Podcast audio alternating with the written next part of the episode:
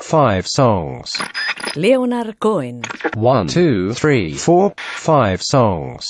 One, Take these here. Well, Oh, that's a beautiful album, and, and uh, it's got one of one of my favorite songs on it, and uh, certainly one of the greatest singers alive today. Uh, Just a spark of the love. two, Wondering if she'd change it all if her hair was still red. yeah, I love that album, and I'm very fortunate to have in my own group right now the uh, the drummer who, uh, who did a lot of the track. three, Jezebel, it was you. Great emotion. Uh, a song like uh, Jezebel, I think, can still stand up.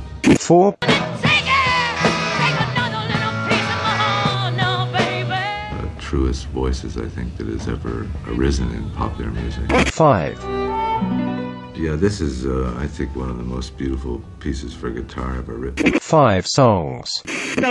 Sing Songs, amb Blai Mercè.